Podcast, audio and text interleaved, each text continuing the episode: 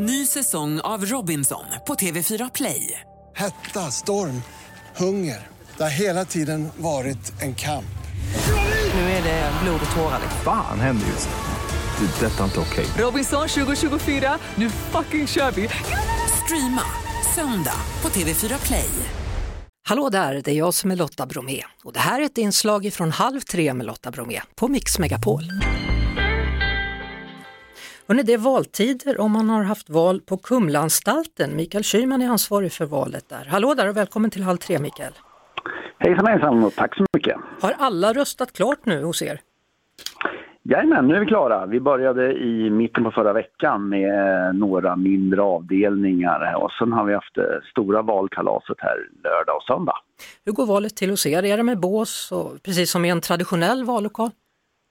Ja, vi har, har infört det från och med i år. Tidigare år eh, och så har vi haft så att vi har gått runt till respektive avdelning och sen har vi satt upp ett litet eh, så, eh, litet bås där man kan ha gått in bakom. Men i år så har vi satsat på att bygga en riktig vallokal där inne på anstalten dit man då har fått gått och det har blivit lite mera, vad ska jag säga, valstämning där vi har haft allt material och partiprogram och sådana saker. Det är ju spännande det här, det är ju nära 90 procent som alltså har deltagit i valet hos er.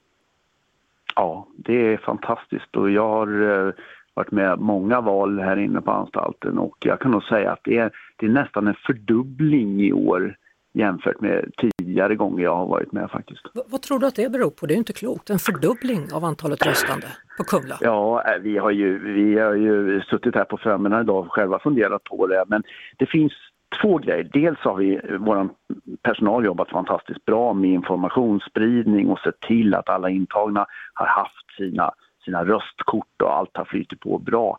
Men sen tror jag ju också att jag med den allmänna debatten inför de stora valen nu kring kri eh, kriminalitet, brott, hårdare straff och så. Alltså när jag har gått runt till killarna och pratat lite med dem så här så, så hör jag att det här är ju förstås en fråga som rör dem och har engagerat väldigt, väldigt mycket. Ja. Så det kanske är den största anledningen faktiskt. Ja, det är svårt att veta åt vilket håll det lutar då. Eller har du fått någon uppfattning när du har gått runt och gjort din lilla egna SIFO-undersökning där? jag har ju tyvärr inte kunnat gjort någon sån men känslan är väl kanske att man ändå tycker att eh, man är ju inte direkt för hårdare straff och hårdare tag i svensk kriminalvård. Eh, det, det, den gissningen kan jag ändå ge mig på. Eh, så. Om man jämför med. Ja. ja, om man jämför med andra länder då, USA till exempel, där är det inte alltid att man får rösta om man är dömd. Nej, så är det ju. Det finns ju flera länder där du inte får det och du inte har den rätten. Du är fråntagen rätten för att du, du sitter i, eh, i ett fängelse då. Men i Sverige har vi inte den utan här är du, du är svensk medborgare hellre har varit här tillräckligt länge eller har uppehållstillstånd. Då får du rösta och det tycker vi är helt okej. Tack så mycket då Mikael Schyman och och stort grattis till ett fantastiskt valdeltagande på Kumlaanstalten. Tack så hemskt mycket. Det var det. Vi hörs såklart igen på Mix Megapol varje eftermiddag vid halv tre. Poddtips från Podplay.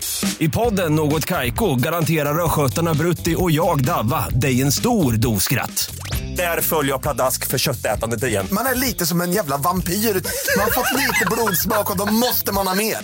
Udda spaningar, fängslande anekdoter och en och annan arg rant. Jag måste ha mitt kaffe på morgonen för annars är jag ingen trevlig människa. Då är du ingen trevlig människa, punkt. Något Kaiko, hör du på Podplay. Därför arkadeinerna.